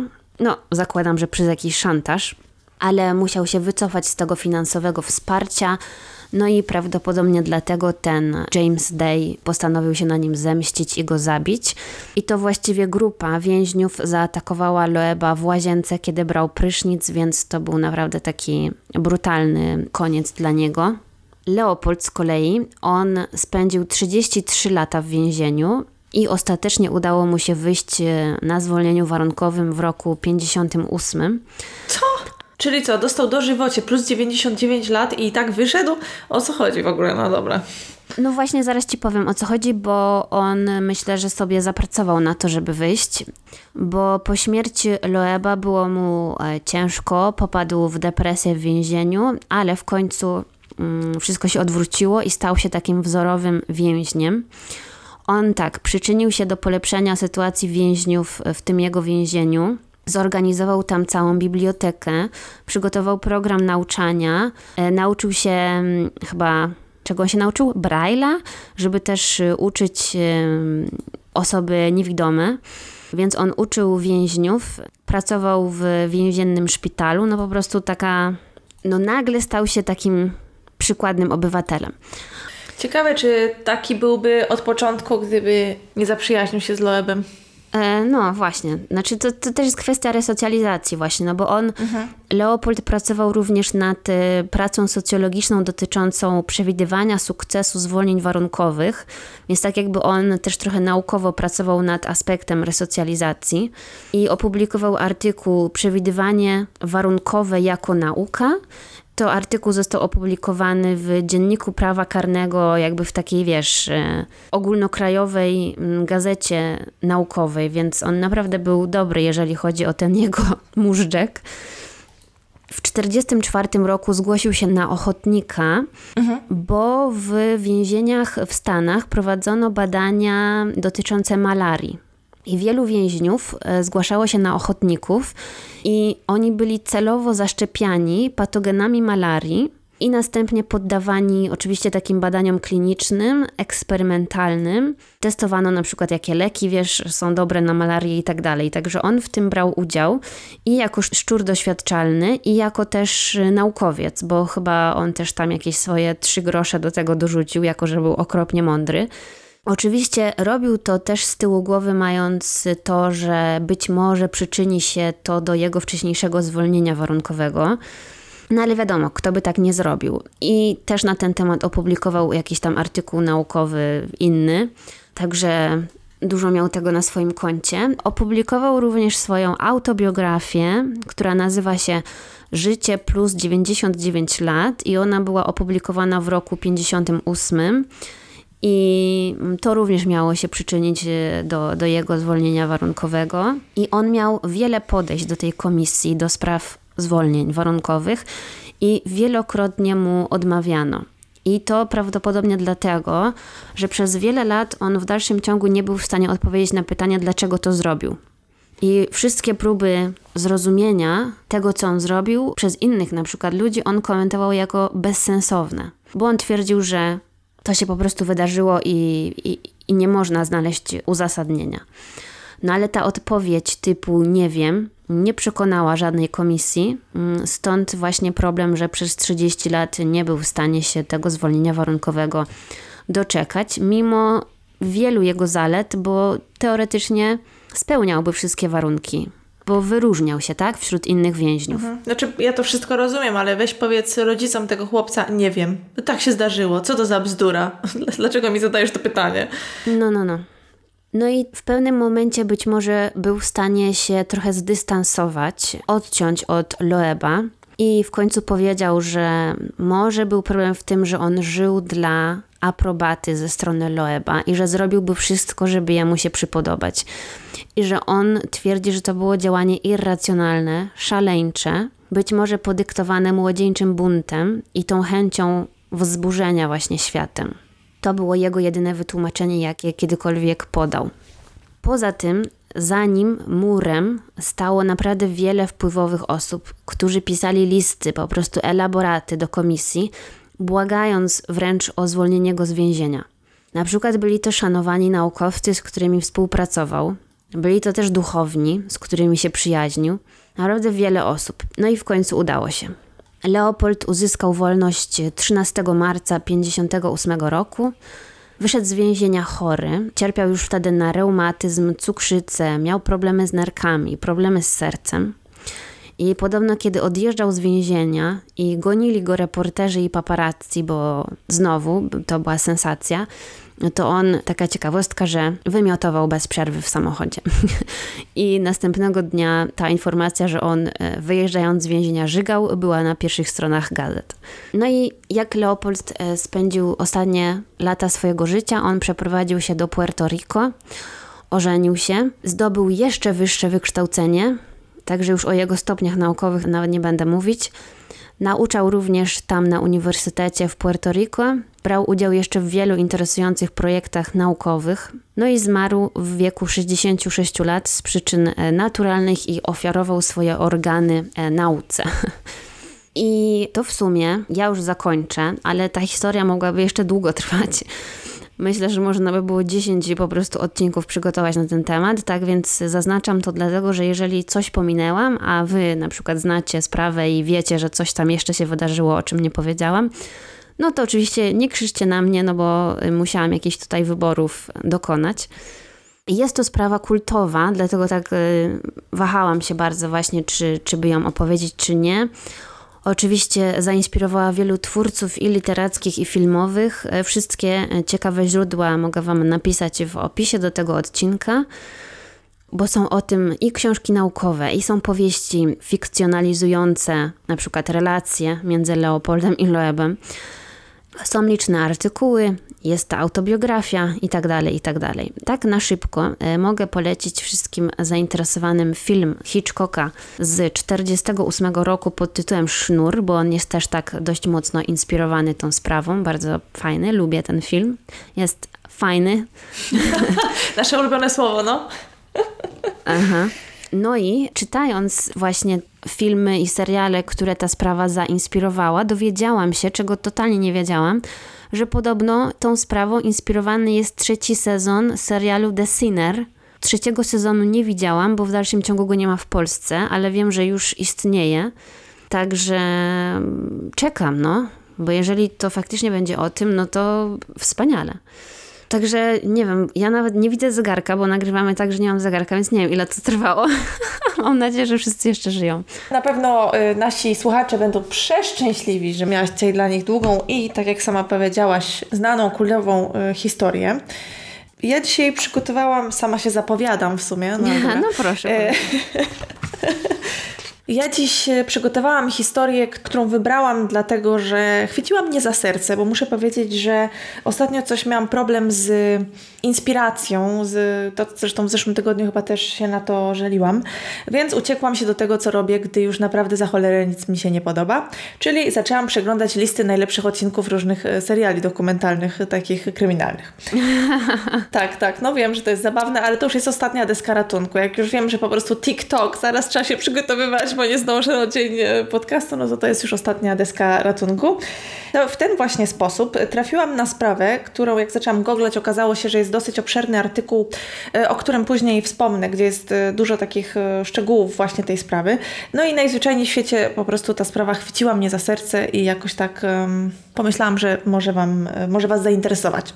Bo spodobać to raczej nie, no ale może część z Was o niej słyszało. Wydaje mi się, że nie widziałam w żadnych polskich źródłach nic na ten temat, ale nigdy nie wiadomo. Dzisiaj opowiem o wydarzeniach, które miały miejsce w Teksasie w 1965 roku, dokładnie w miasteczku, które nazywa się Odessa. I było to takie miasteczko, gdzie głównie rządził futbol licealny, gdzie ludzie byli bardzo wierzący, bardzo konserwatywni. Tak jak sobie wyobrażasz Teksas w latach 60., to tak tam właśnie było.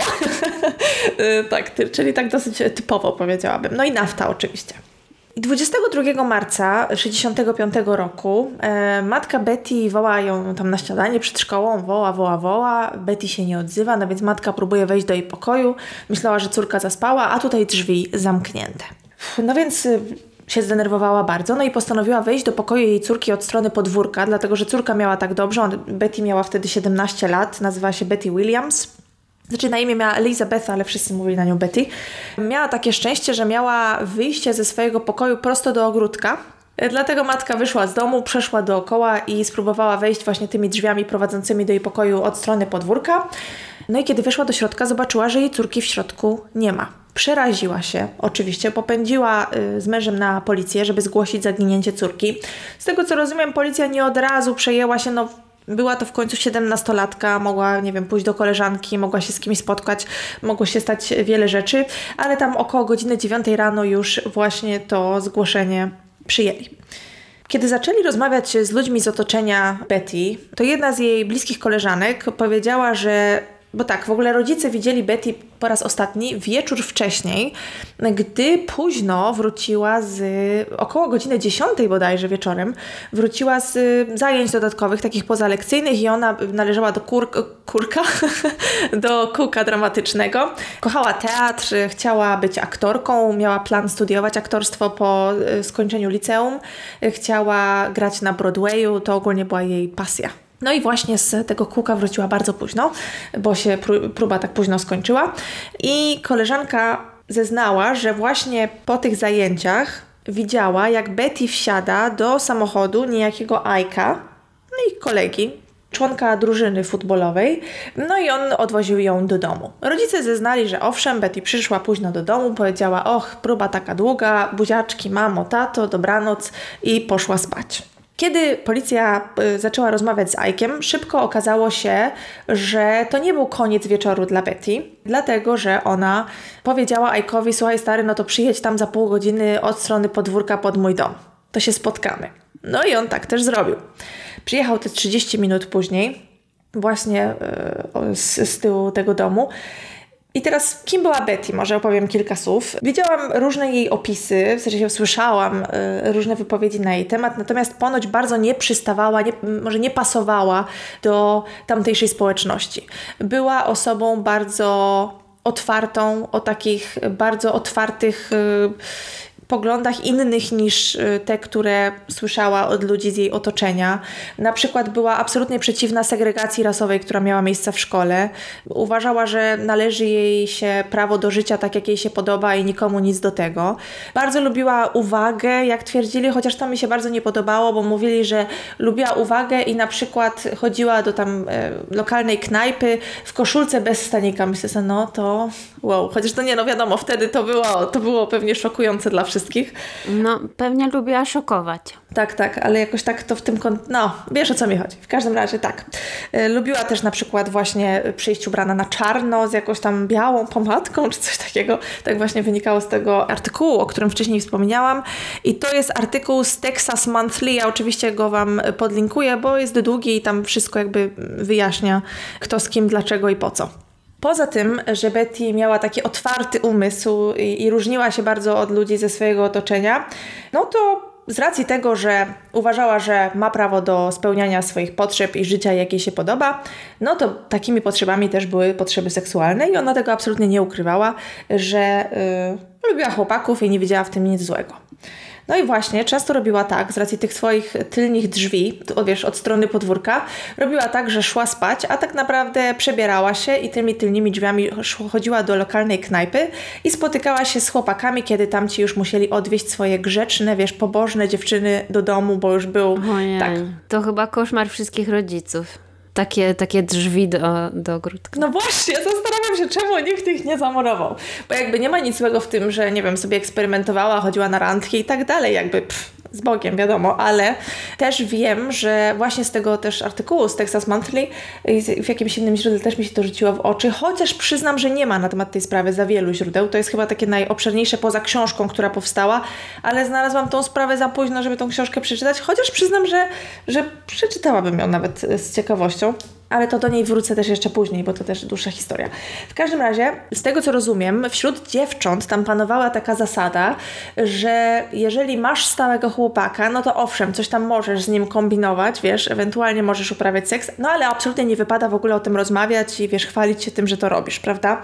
No jak nie masz stałego chłopaka, no to w ogóle zapomnij, to jesteś jakaś tam w ogóle najgorsza i twoja reputacja, wiesz, możesz się ją spuścić w kiblu. Więc no dramat, niestety. niestety. No ale tak to wyglądało. My bardzo, bardzo lubimy takie przedmiotowe traktowanie e, dziewczyn, prawda? Tak, kocham, kocham to, tak. No. No i właśnie dlatego niestety chyba Betty nie cieszyła się najlepszą reputacją. Domyślam się, że koleżanki były zazdrosne, że chłopaki się z nią spotykają gdzieś tam, kiedy one muszą być już w domu. E, oczywiście spotykanie się z cudzym chłopakiem nie jest naj, najlepsze i najmilsze. Ja tego jakby nie... Jeżeli nie ma na to zgody wszystkich, to ja tego nie popieram. Nie rekomendujesz tego wszystkim. Tak, tak, tak, dokładnie. Ale oczywiście nie wiem, jak to tam e, wyglądało w praktyce. Poza tym e, Betty też e, udzielała się w kościele, ponoć prowadziła jakieś zajęcia dla dzieci w tym kościele, bo jej rodzina była bardzo, bardzo wierząca. Oni byli baptystami. Jej ojciec zwłaszcza był bardzo surowy i pobożny. On pracował jako stolarz, a jej matka dorabiała w sklepie J.C. Penney no nie byli zbyt zamożni. No i właśnie, wracając do Aika, czyli tego, który miał odwieźć e, Betty do domu, no to on zeznał policji, że owszem, odwiózł ją do domu. Ona zaproponowała mu, żeby poczekał chwilę i tam podjechał za, za jakiś czas od strony podwórka przy tych jej drzwiach, to się spotkają. No i on oczywiście na to przystał. I kiedy ona wyszła, no to zobaczył, że ona w zasadzie miała na sobie piżamy, no bo już przygotowała się do spania, że tak powiem. Y, no i poszła to tam do, do, tego jego auta, siedzieli, aż w pewnym momencie on zauważył, że za nimi zatrzymał się kolejny samochód. I Betty powiedziała wtedy coś bardzo dziwnego, bo powiedziała, że jak ona to ujęła, że yy, jakby ewidentnie widać było po niej, że jest zaskoczona, że ta osoba przyjechała i że jakby nie wierzyła, że ona to zrobi i że musi jakby pociągnąć to dalej, nawet jeśli ją to zabije. Coś, coś w ten deseń. Ojej. Także to, że ta osoba się zdobyła na to przyjście jednak, to ją zdziwiło i postanowiła jakby przetestować, to jakby co dalej będzie, no nie wiem. W każdym razie im dalej w las, tym będzie jaśniejsze, dlaczego tak było. I Ike, zapytany przez policjantów, czy wiedział, kto przyjechał po Betty, powiedział, że tak, że rozpoznał samochód i to był samochód Maca, Herringa. On chyba miał na imię John, ale wszyscy mówili na niego Mac.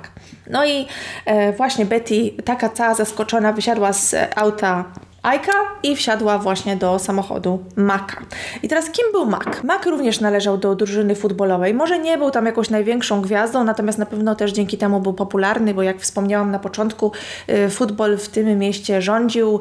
Y, ludzie tłumnie przychodzili na cotygodniowe mecze i była to jakaś taka, nie wiem, świętość chyba w tamtym mieście. I też kilku tych źródłach, które znalazłam na ten temat, wspominali o tym, jak to osoby związane właśnie z tą drużyną futbolową i dziewczyny tych e, futbolistów, oczywiście, wiesz, w takich kardigankach zapiętych pod szyję, to zawsze wy, wygrywali wszystkie konkursy na najpopularniejszą, najpiękniejszą, najbardziej, nie wiem, jakoś tam, prawda, i ogólnie to oni mieli zawsze najlepiej i mm, najfajniej. Nie wiem, czy powiedziałam najfajniej i najlepiej, no ale dobra. Najfajniej. Też mi się to spodobało. Tak. W każdym razie Betty i Mac znali się nie tylko dlatego, że chodzili razem do szkoły, ale dlatego, że rok wcześniej, nie cały rok, dlatego że w lecie 60 roku spotykali się ze sobą. Nie wiem, czy mogę nazwać to związkiem, na pewno była to relacja, a mówię tak dlatego, że Mac chyba trochę się ukrywał z tym związkiem, z tą relacją, przepraszam, dlatego że nie chodzili nigdy razem na żadne imprezy, on jej nie zabierał w żadne miejsca publiczne, czy też do swoich rodziców, nie dawał też jej swojej kurtki futbolowej, jak to mają w zwyczaju, wiesz, e, właśnie członkowie tej drużyny, czy też mieli w zwyczaju członkowie tej drużyny dawać swoim e, dziewczynom, tak? Co chyba budziło jakieś konflikty. Czyli kiedy chciał, to ją wykorzystywał. Mm, dokładnie. Natomiast no, Betty chyba była z nim bardzo szczęśliwa, tak też wynikało z e, opowieści jej koleżanki tam w jednym programie dokumentalnym. Jak ona to ujęła, mimo to, że nigdy nie widziała ich razem, to Betty zawsze wydawała się bardzo taka przejęta i szczęśliwa właśnie, kiedy o tym Maku i o ich relacji mówiła. No i tutaj nastąpił pewien zgrzyt. I tak jak właśnie w tym artykule w Texas Monthly twierdzili, że bardzo możliwe, że y, przez to właśnie, że była między nimi jakaś taka kość niezgody związana z tym, że Mark może trochę ukrywał to, że oni się spotykają, no to Betty postanowiła może wzbudzić w nim zazdrość, może nie wiem, jakąkolwiek reakcję. No i ponoć zaczęła gdzieś tam rozmawiać z jego kolegą, który był ponoć najprzystojniejszy w tej całej szkole i, i oczywiście był tam najbardziej popularny i najważniejszy w drużynie futbolowej. No i wiadomo, Makowi się to nie spodobało i wkrótce później zaczął spotykać się z jakąś inną dziewczyną, równie popularną po prostu co on i fantastyczną.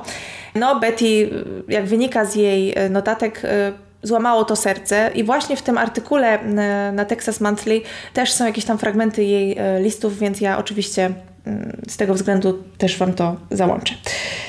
No i to był pierwszy cios e, w życiu Betty.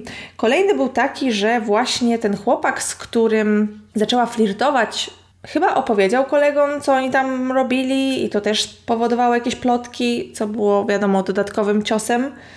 W ogóle co za paskudny chłopak, no ale dobra. Poza tym w domu też jej się nie układało, dlatego że jej ojciec widział, że Betty nie zachowuje się tak, jak je on by chciał, e, no bo tak jak wspominałam wcześniej, był człowiekiem bardzo pobożnym, wierzącym, no i chciał, żeby jego córka to nie wiem, była pewnie jakaś zakonnica. No i postanowił nie wiem, czy specjalnie, czy znalazł go przez przypadek, no ale niestety przeczytał jej pamiętnik.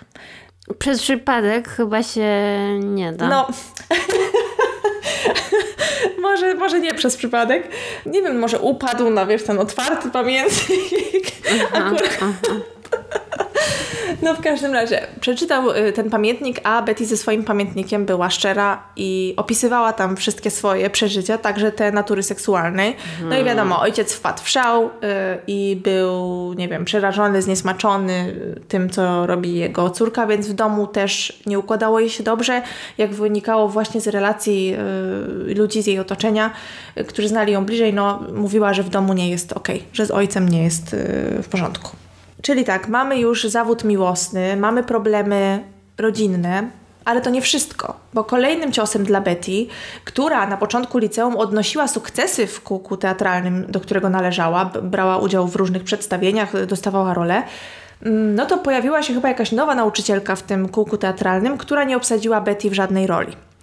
I dla Betty był to ogromny cios. Rolę dostała jej koleżanka. Mm, Betty natomiast pracowała tam jako kierownik sceny, czy ktoś tam już nie Oj, to taka degradacja. No właśnie, no właśnie, więc wyobraź sobie taki cios za ciosem dla siedemnastolatki. Co to w ogóle... Jakby wiem, że może to jej śmiesznie brzmi, och, nie dostała roli w przedstawieniu, ale domyślam się, że dla, że dla takiej dziewczyny, y, jeszcze gdzieś tam może trochę niezrozumianej przez swoje otoczenie, przez rodzinę, no musiał to być straszny cios, prawda? A co więcej, w tym przedstawieniu uczestniczył też Mac.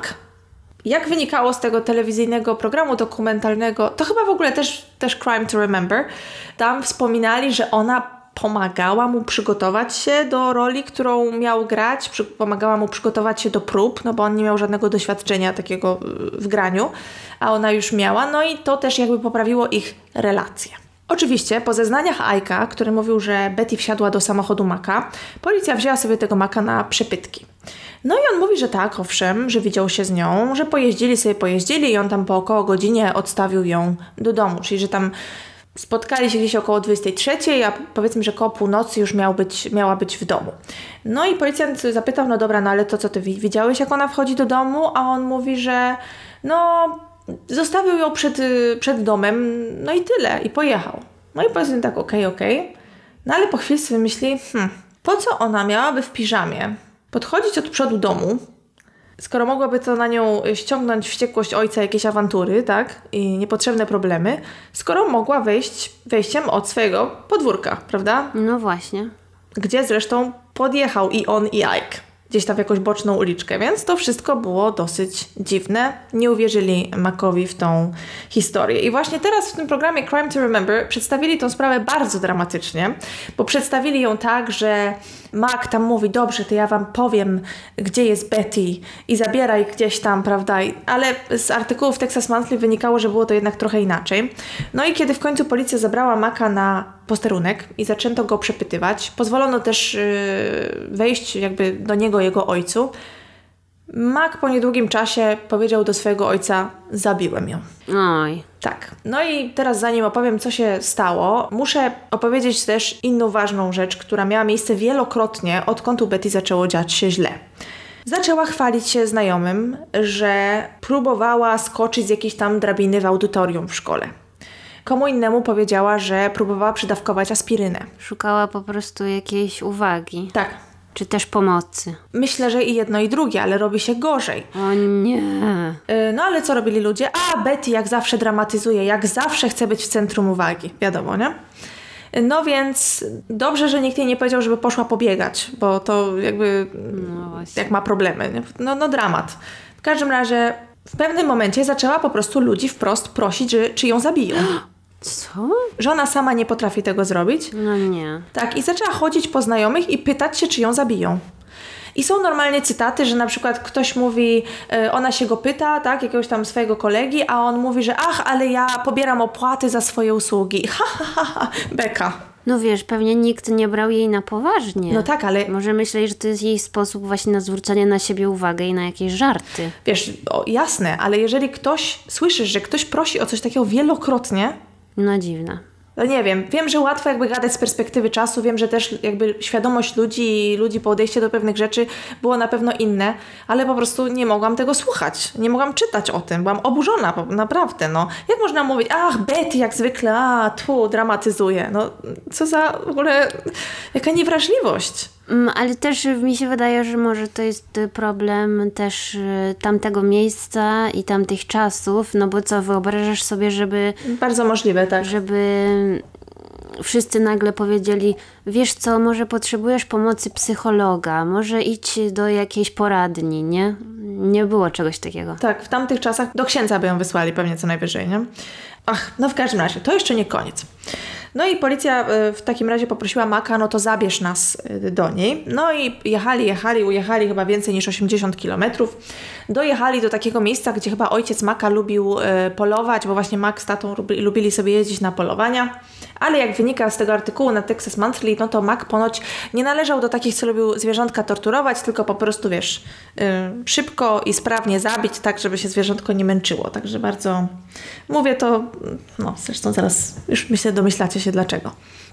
No i opowiedział po prostu, jak to wszystko wyszło, i nawet na prośbę policji rozebrał się, tam też był staw, rozebrał się, wszedł do wody i wyciągnął ciało Betty właśnie z tego stawu.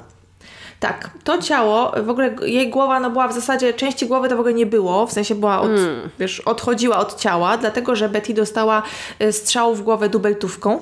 Y, Wokół jej pasa były obciążniki, które trzymały ją na dnie tego stawu. Mac był absolutnie spokojny, jak to ostatnio mówiłam już spokój grabarza, tak? Ym, opowiadał o tym wszystkim, no jakby no, zupełnie zupełnie spokojnie. Uważał, że zrobił Betty przysługę. Powiedział, że ona wielokrotnie prosiła go o to, żeby ją zabił. Że najpierw było, za pierwszym razem było tak, gdy odwoził ją i ich wspólną koleżankę do domu po właśnie jednej z prób y, teatru, to Betty zapytała się go, Max, zabijesz mnie? I on zaczął się śmiać, i ona zaczęła się śmiać, i tak się śmiali, ha, ha, ha, ha. Prawda? Fantastyczna zabawa. Nie, nie, nie wiem w ogóle, jakieś to jest abs- zupełnie absurdalne. No i potem ona te pytania ponawiała, ponawiała, ponawiała. No aż w końcu on powiedział, no dobrze, to ja tobie pomogę. Wielkoduszny. Tak. I razem zaplanowali śmierć Betty. Ona ponoć nawet sama wybrała broń, jaką do niej strzeli. Napisała list, który miał odciążać, jakby w sensie uwolnić go od winy, w którym opisuje całą sytuację i nie chce, żeby ktokolwiek Maka pociągał do odpowiedzialności. On skądś tam skombinował te ciężarki, no i ogólnie wszystko sobie pięknie ustalili. No więc teraz już ta wypowiedź w samochodzie Aika może miała większy sens, że Betty była zdziwiona, że Mac jednak zdecydował się spełnić yy, obietnicę, tak? Że ona uważała, że on blefuje, no ale ona go tutaj sprawdzi. Ale już sam ten komentarz, mam wrażenie, dużo mówi, bo jakby przeczy temu, że według mnie przynajmniej, że ona naprawdę chciała umrzeć. Mhm. Ale z drugiej strony, Mac powiedział, że było tak. Przyjechali na ten staw, on w ogóle rozłożył jakiś koc. Betty ściągnęła buty. Uklęknęła na tym kocu. Przy, przypominam, że ona była w piżamie. Uklęknęła na tym kocu. On poprosił ją jeszcze o buzi, żeby miał ją, wiesz, o czym pamiętać, zanim ją, zanim ją zabije, tak? Ona z radością oczywiście to zrobiła, wiadomo. Dlatego zresztą to morderstwo jest znane pod nazwą Kiss and Kill O nie. bo tak ją media nazwały. Następnie podniósł broń, ona sama chwyciła za lufę i przyłożyła ją sobie do skroni i powiedziała teraz. No i on wystrzelił. No, myślę, że ona się tego nie spodziewała. Z zeznań, z jakichś tych materiałów, które po niej zostały, zresztą też jej kuzyn, który właśnie napisał książkę na jej temat, potem powiem jak on i ta książka się nazywa, bo teraz nie pamiętam, sprawdzę za chwilkę, e, mówił, że on jest pewien, że ona nie chciała zginąć, że ona, y, że jego zdaniem mogła próbować po prostu zwrócić uwagę Maka na siebie, może chciała go odzyskać, na pewno żywiła do niego jakieś uczucia, może chciała, żeby on był, wiesz, tym jej rycerzem na białym koniu, żeby ją uratował. Nie wiem, albo po prostu to był normalny, zwykły, regularny krzyk o pomoc do byle kogo, w sensie jakby, że to nieważne było, czy to on, czy ktokolwiek, ale że no, że z nim miała jakąś relację, powiedzmy, to może z nim było łatwiej. Nie wiadomo, natomiast na pewno jakieś uczucia do niego żywiła, więc domyślam się, że tutaj mogło chodzić stricte o niego. No i ewidentnie po prostu dziewczyna musiała mieć jakąś depresję, no, no ty, tyle ciężarów w cudzysłowie się na nią, na nią spadło. Yy, Coś, co może dla dorosłego człowieka, który ma jakąś perspektywę, często nie będzie trudne, prawda? Dla takiej nastolatki nawet takie odrzucenie, jedno, drugie, trzecie, dziesiąte. yy, Zresztą nie, no dla dorosłych to też są ciężkie sprawy, co ja tutaj mówię w ogóle. Także domyślam się, co się musiało u niej w głowie dziać, No, prawda? wszystko zależy od wrażliwości. Tak, no właśnie. Więc y, domyślam się, co się tam naprawdę w tej jej głowie musiało dziać i w jakim ona musiała być stanie psychicznym.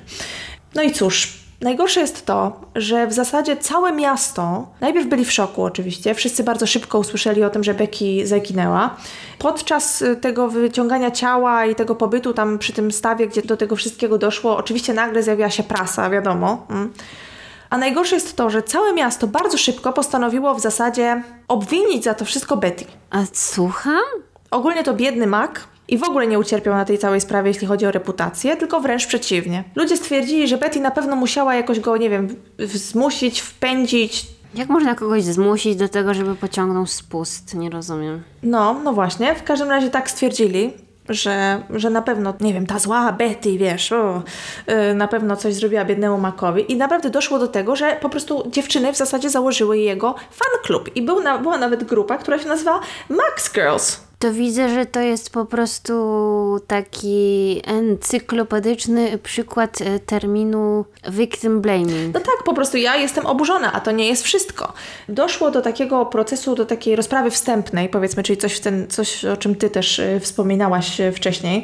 Oczywiście tam występował ojciec Maka, który przeczytał list, który zostawiła Betty. No i tam jacyś eksperci stwierdzili, że to było jej pismo, tak jak mówiłam wcześniej, ona prowadziła dziennik. Całe miasto było za Makiem. Makiem. Na tą rozprawę do sąsiedniego miasta przyszło chyba 160 osób, z czego duża część to były te właśnie jego fanki po prostu. Co to jest za absurd w ogóle? Bardzo dziwne, bardzo dziwne. Podczas tego procesu oczywiście zrobili z tej Betty jakąś, wiesz, najgorszą po prostu puszczalską, nie wiadomo jeszcze kogo. Wszystkie te szczegóły z jej życia wywlekali, że o, straszne, spotykała się z chłopakami, wymykała się z domu, szok. No więc oczywiście wiadomo, to ta najgorsza, więc to jeszcze bardziej pogorszyło jej reputację. Ja nie chcę nawet wiedzieć, co ci jej biedni rodzice, co ta matka musiała przeżywać. No ojciec też, wiadomo. Po prostu straszne, nie mogłam słuchać o tym. I y, też zeznawał w tej sprawie psychiatra, który y, badał Maka tam, no jak go aresztowano, tak, tam kilka dni po tym, po tym morderstwie. No i on powiedział, że ewidentnie Mak musiał być niepoczytalny w chwili pociągania za spust. Ale ja się pytam, jak miał być niepoczytalny, skoro oni to wszystko zaplanowali? On miał ze sobą broń, miał obciążniki. No, błagam. Przecież wiedział, co robi. Jeżeli ktoś był niepoczytalny, to na pewno ta dziewczyna. No właśnie, ale oni stwierdzili, że on w momencie pociągania spustu musiał być niepoczytalny. No okej, okay, no, nie wiem, nie jestem specjalistą, ale wydawało mi się to takie dosyć wybiórcze. No i sędzia oczywiście łyknął to wszystko, Świetnie, super. Dziękuję bardzo, do widzenia, nie ma procesu, idź pan do domu. Nie? No to faktycznie szokujące. No, oczywiście obrona, y, nie obrona, przepraszam, tylko y, adwokat tak, rodziców, y, ta strona oskarżycielska nie zostawiła tego w taki sposób, zaapelowali. No i doszło do procesu, ale wynik był taki sam i on został uniewinniony. Szok. Dla mnie to jest, to jest po prostu, ja nie jestem w stanie przepraszam, pewnie emocje tutaj słychać po mnie bardzo, ale no, nosiło mnie, jak czytałam i słuchałam na ten temat, bo wydaje mi się to wszystko tak niesprawiedliwe. Ja nie wiem, może rzeczywiście nie wiem, ta ich relacja, bo oczywiście ten psychiatra, który mówił, że Mac musiał być niepoczytalny w tamtym momencie, stwierdził, że to było dlatego, że Betty ciągle chodziła, prosiła, prosiła, prosiła, prosiła i to wytworzyło wiesz, jakąś tam reakcję, czy że on nie był w stanie ocenić, czy to jest dobre, złe. I on mówił, sam zeznawał, że on chciał jej pomóc, że wtedy mu się wydawało, że jej pomaga, że oczywiście teraz wie, że tak nie było. No, ale szczerze mówiąc, ja nie wiem, czy mnie to satysfakcjonuje. No, zabił dziewczynę, która po prostu potrzebowała pomocy. I w tym artykule, i w tym odcinku Crime to Remember e, wypowiada się wcześniej wspomniany przeze mnie kuzyn Betty, który nazywał się znaczy nazywa się Shelton Williams i on napisał książkę Washed in the Blood właśnie na temat y, całej tej sprawy. On też wspominał, że w jego, już nie pamiętam gdzie, ale że w jego rodzinie tego typu zachowania, jakie miała Betty, czyli to proszenie o zabicie, myśli samobójcze, nie były znaczy chciałam powiedzieć czymś wyjątkowym, brzmi to źle. W każdym razie, że zdarzały się, bo na przykład jego ojciec miał podobne y, sytuacje, że potrafił w środku nocy mówić, że się zabije do swojej żony i tak dalej, prawda? I ona gdzieś tam musiała go uspokajać. Więc możliwe po prostu, że jakieś problemy w tej y, rodzinie były natury psychicznej. Nie wiem, no tego, tego niestety nie, nie wiemy. Natomiast Mac po tym, jak został uniewinniony, poszedł sobie do szkoły, do, na uniwersytet, uczył się dalej, dwa razy się zdążyło żenić i rozwieść. Mm, natomiast y, nigdy chyba nie odnalazł szczęścia zawodowego, bo jak wyczytałam, bardzo często zmieniał pracę. I zmarł w 2019, mając tam ponad 70 lat, chyba 75. W Odessie do tej pory nie zapomniano o tej zbrodni. Dzieci nadal gadają o Betty, natomiast już nie do końca chyba y, znają i tą historię, bo wiadomo, to się wydarzyło bardzo dawno temu. Istnieją różne jej wersje wśród nastolatków.